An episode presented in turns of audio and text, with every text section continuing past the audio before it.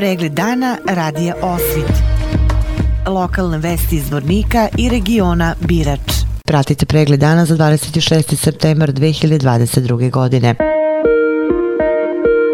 Danas je u osnovnoj školi Sveti Sava obeležen 26. septembar, Evropski dan jezika. U holu škole organizovana je prigodna radionica na kojoj su učestovali učenici 6. i 8. razreda i nastavnice engleskog jezika. Više o tome čućete od Ivane Jolović, nastavnice u osnovnoj školi Sveti Sava, Zvornik. Danas je u osnovnoj školi Sveti Sava obilježen Evropski dan jezika. U radionici koju smo danas održali učestvovali su tri nastavnice engleskog jezika i tri odjeljenja, dva osmog i jedno šestog razreda. Mi smo sad imali tu niz aktivnosti, poznali smo djecu sa porodicama jezika i kojim porodicama jezika pripadaju uopšte evropski jezici. Zatim smo radili jedno drvo znanja koje se odnosi isto tako na, na podjelu jezika prema, prema pripadnosti određenim grupama i na kraju smo radili jedan pano gdje smo za e, primjer uzeli riječ e, prijateljstvo i napisali na svim svjetskim jezicima. Radili smo sa 44, sve 44 evropske države gdje se naravno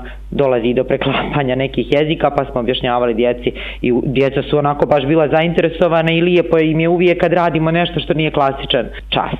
Su onako rado učestvovali, bilo je tu svega i geografije, i jezika, i, i engleskog, i ruskog, i na kraju kraju upoznali se sa svim jezicima koji se govore u Evropi.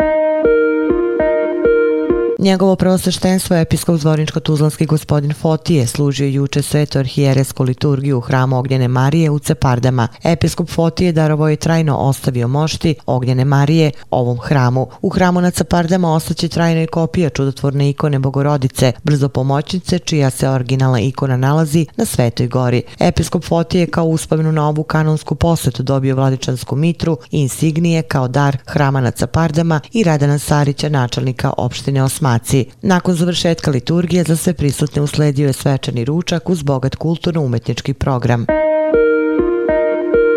U domu omladine u Zorniku sinoć je održana centralna iz tribina Ujedinjene Srpske. Prisutnima su se obratili Siniša Ilić, kandidat za poslanika u Narodnoj skupštini Republike Srpske, Kostadin Vasić, nosilac liste za Narodnu skupštinu Republike Srpske i Nenad Stevandić, predsjednik Ujedinjene Srpske. U Milićima je počela isplata jednokratne novčane pomoći za 80 penzionera članova udruženja penzionera Milići. Pomoć u iznosu 100 maraka dobit će 70 penzionera čije penzije ne prelaze 271 marku i 10 penzionera sa prioritetne liste. Sredstvo od 8000 maraka za isplatu novčane pomoći milićkim penzionerima obezbedila je vlada Republike Srpske.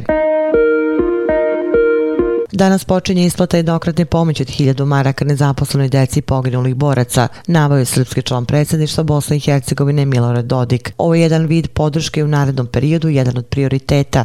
Biće nastavak podrške za pošljavanju ove kategorije.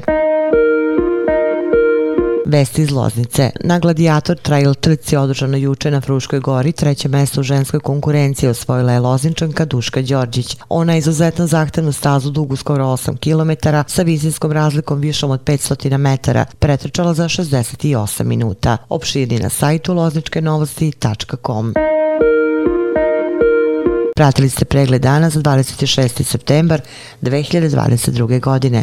Hvala na pažnji. Pregled dana radija Osvit. Lokalne vesti iz Vornika i regiona Birač.